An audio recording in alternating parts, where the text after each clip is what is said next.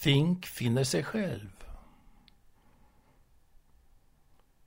Det var morgonen då Frank Sinatra upptäckte att han inte längre kunde nå upp till den höga tonen under finalversen i New York, New York och då Jane Fonda någonstans i Los Angeles ringde till sin plastikkirurg för att låta silikonfylla brösten. Ålderdomen knackade således på hos de till åren komna och så även hos Zvihishkohen av hustrun vardagligen kallad Fink. Verksam i den välrenommerade revisionsbyrån Levi, Weiss and Leo i skrapan på Femte Avenyn. Fink hade i samband med morgonrakningen upptäckt torrgråa hårstrån vid öronen. Han blev inte panikslagen, nej då. Bara djupt beklämd inför livets förgänglighet. Inte ens tanken på revisionen hos Butlers Incorporated, som ju en gång dåraktigt ratat honom för en annan ung bokhållare, gladde honom längre. Varken hans älskade blinses eller latres smakade längre. Naturligtvis visste han att han borde vara nöjd. Han hade blivit en förmögen man i Amerika. Ja, som hans föräldrar så innerligt önskat när de äntligen korsade Atlanten 1933 med sin förstfödda bebis. Hans pratsjuka hustru, som han smeksamt kallade Schatzi, hade varit ett utmärkt parti. Ja, visserligen var hon otrogen sedan tre år tillbaka, men, men hon hade skött det snyggt och hade trots allt fött honom sonen Samuel. Visserligen hade han gått och gift sig med en Finks föräldrars besvikna uttryck, och bodde i fjärran Wisconsin. Men svärdottern Bernadette, som var tystlåten, intelligent och gästfri, hade givit Fink tre välskapta barnbarn. Inom parentes, Sarah, Daniel och lilla Mary. Det sistnämnda namnet en följsam eftergift åt Bernadette, som var romersk katolik. Slut på parentes. Så nu var släktets fortbestånd säkrat. Alla andra verkade nöjda. Så även han borde ju vara nöjd.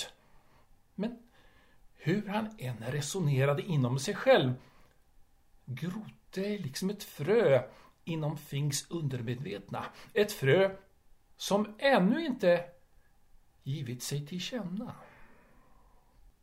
Liksom hustrun hade Fink sina laster, ja det erkände han villigt. Den var väl fullkomlig. Men sin lustas förborgade föremål höll han inlåsta i ett bankvalv. När hustrun var hos sin älskare på lördags eftermiddagarna, inom parentes, det visste han eftersom hon alltid kom hem oförklarligt gladlynt varje gång och Fink förebrådde henne inte, utan förlät henne i tysthet. Och ärligt talat hade förälskelsen svalnat för 20 år sedan. Nu gällde det bara att spela vidare till föreställningens slut. Slut på parentes. Gick Fink till bankvalvet och lät sig bli förseglad i den trygga bunkern för att i stilla exaltation kunna umgås med sina kelgrisar. Han gav stränga direktiv till bankpersonalen att lämna honom i fred medan han var där inne. Ändå, ändå var han ängslig. Han kunde ju fortfarande bli överrumplad av andra bankfacksägare. Därför smusslade han med föremålen vars ytor skyddades av hans tunna vita bomullshandskar. Fink lämnade lägenheten exakt klockan 8.30. Han föredrog att promenera för att stärka benmuskulaturen. Redan efter två kvarter anade Fink att solen skulle komma att kräva sin tull. Svetten hade trängt igenom skjortans bakstycke. Förutseende nog hade han alltid två nypressade extra skjortor på kontoret.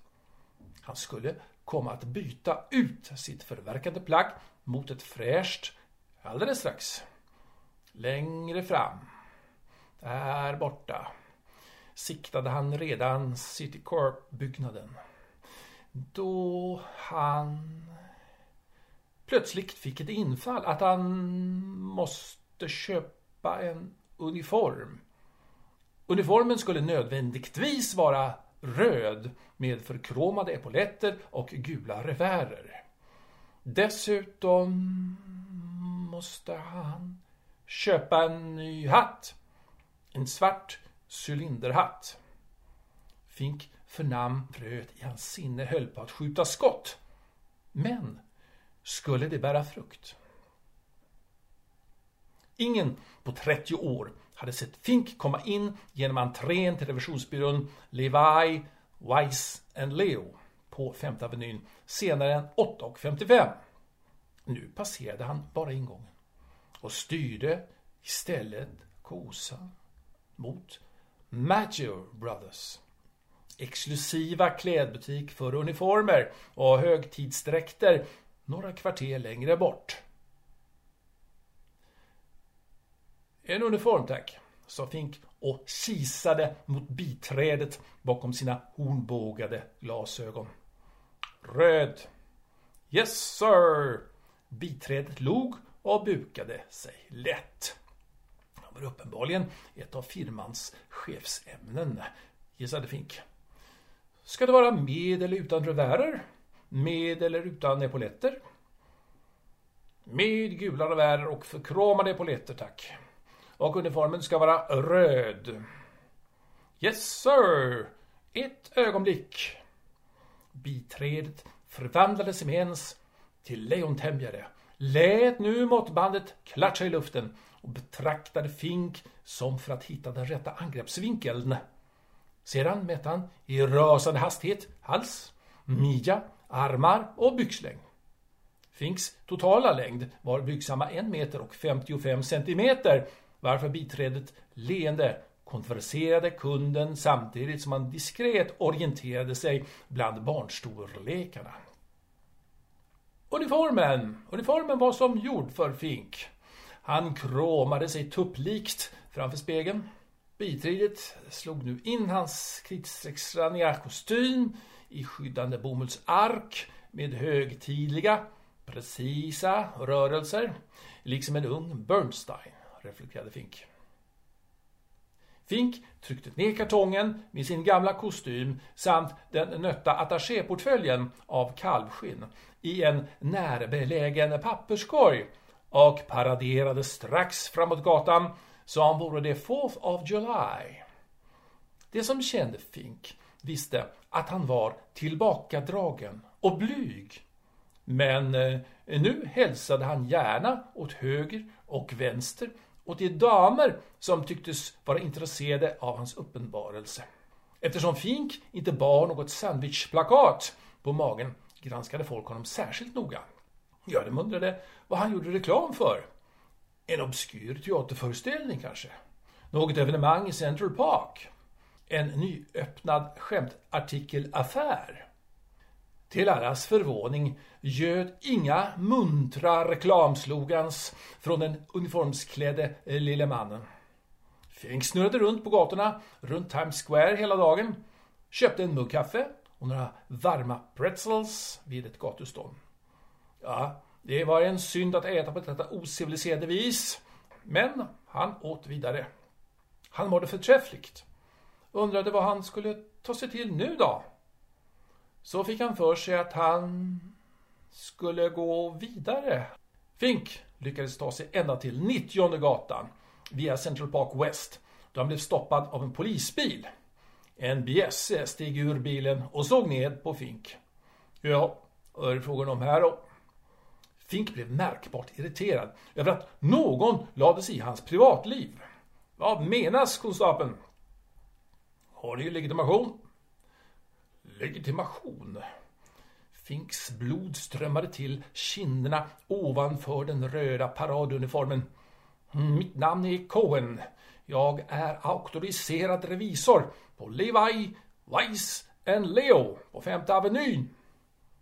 Konstaplarna utbytte menande blickar. Ah, vi får nog ta och kolla upp det här, mister. Var vänlig och kom med oss. Mm, jag vill hänvisa till den amerikanska författningen, mina herrar. Varje medborgare har rätt att gå och resa vart han vill utan passrestriktioner och utan att behöva kontakta de federala myndigheterna. Men, men om ni verkligen envisas med den här idiotin så... Fink drog nu muttrande fram sitt ID-kort.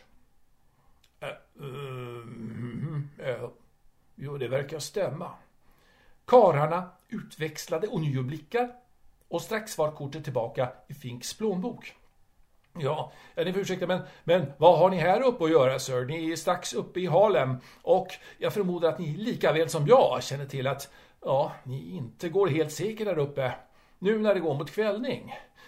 För er egen skull, för er egen skull ber vi er vända om, sir. Fink fortfor att skälla på de hyggliga poliserna. Men eftersom gubben efter granskningen varken kunde bedömas vara berusad eller narkotikapåverkad eller påtagligt sinnessjuk kunde man ju knappast sy in honom. Tja. Och så försvann polisbilen med en rivstart. Fink marscherade nu vidare och kom fram till 110 gatan. Han var i Harlem. Småungarna skockades nu omkring den lilla rödvite mannen och överöste honom med glåpord. Men eh, Fink tycktes inte ta illa upp. Tvärtom slog ett sällsynt varmt leende upp i hans ansikte. Fink kände nu hur skottet vuxit, fått förgreningar och strävade vidare mot sitt mål. Slutligen kom han fram till 125 gatan och där, där, han kände igen byggnaden. Plötsligt var allt kristallklart i hans minne. Det var The Apollo Theatre. Teaterns tegelfasad var sliten och nedklottrad. Den röda neonskylten med namnet var trasig vid o -et. Men det var Apollo-teatern. Han gick fram till kvinnan i biljettluckan. Eh, Goddag fröken, vad är på programmet ikväll? Well, hon stirrade på Fink och fortsatte efter viss tvekan.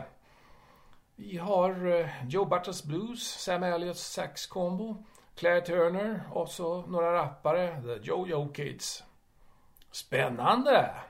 Fink fortsatte än mer entusiastiskt.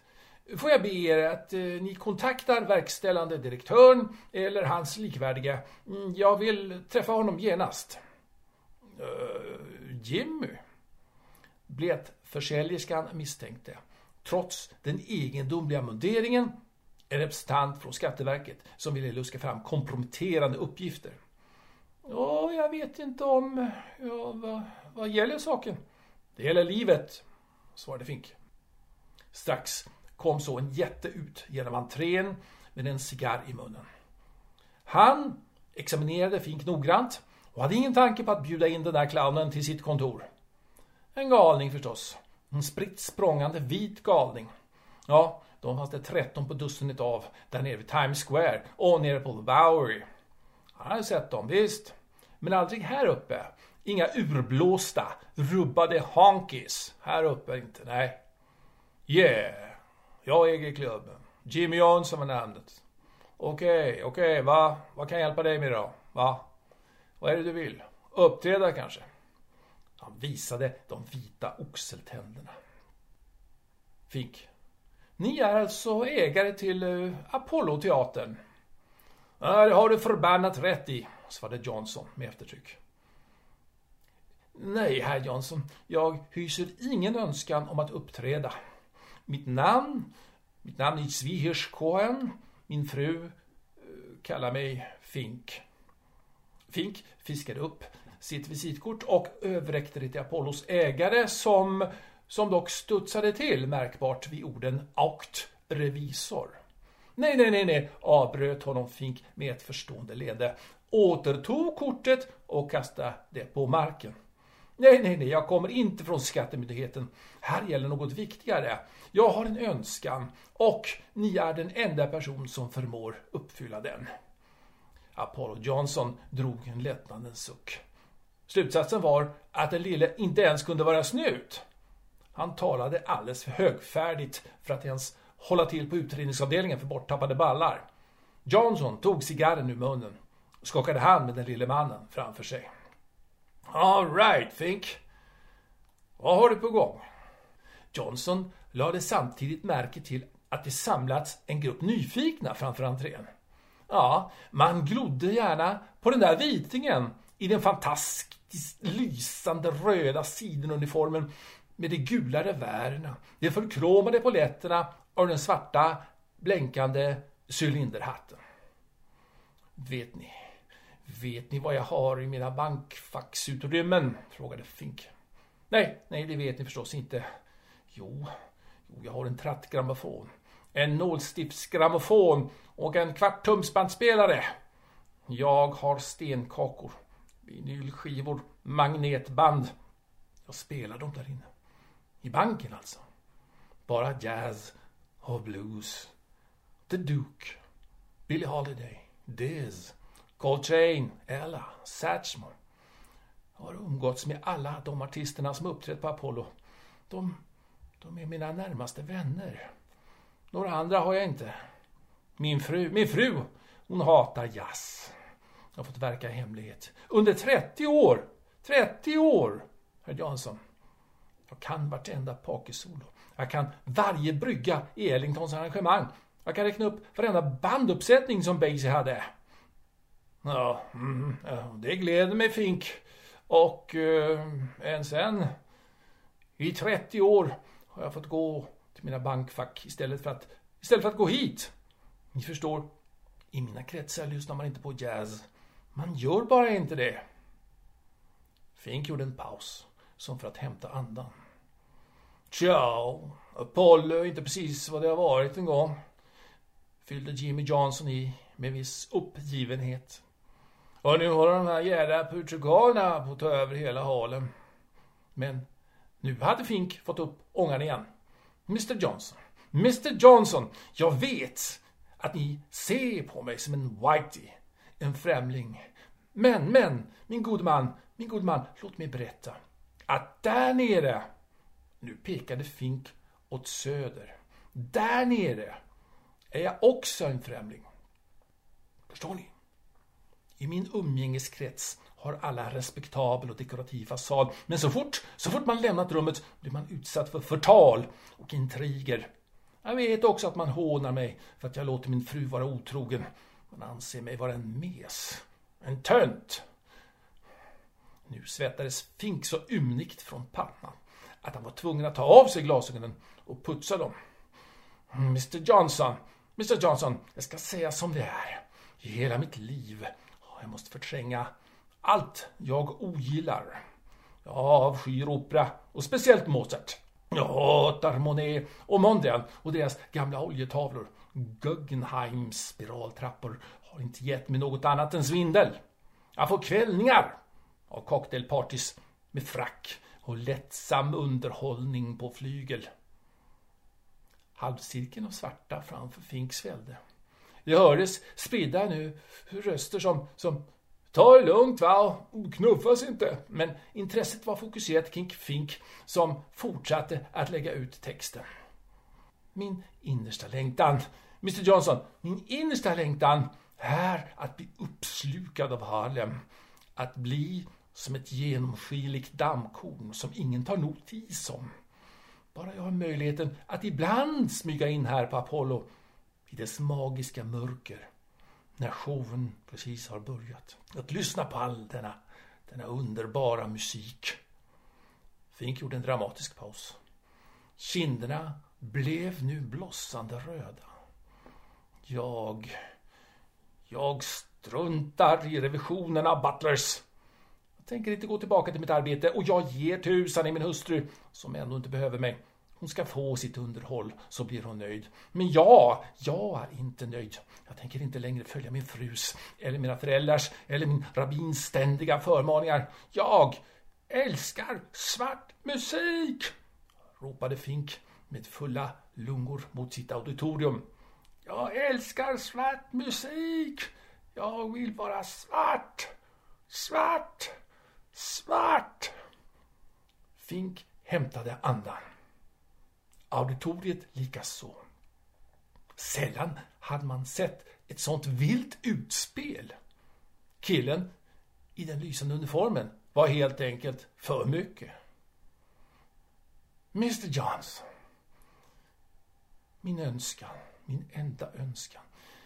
Att jag vill bli entrévaktmästare här på legendariska Apollo Theatre.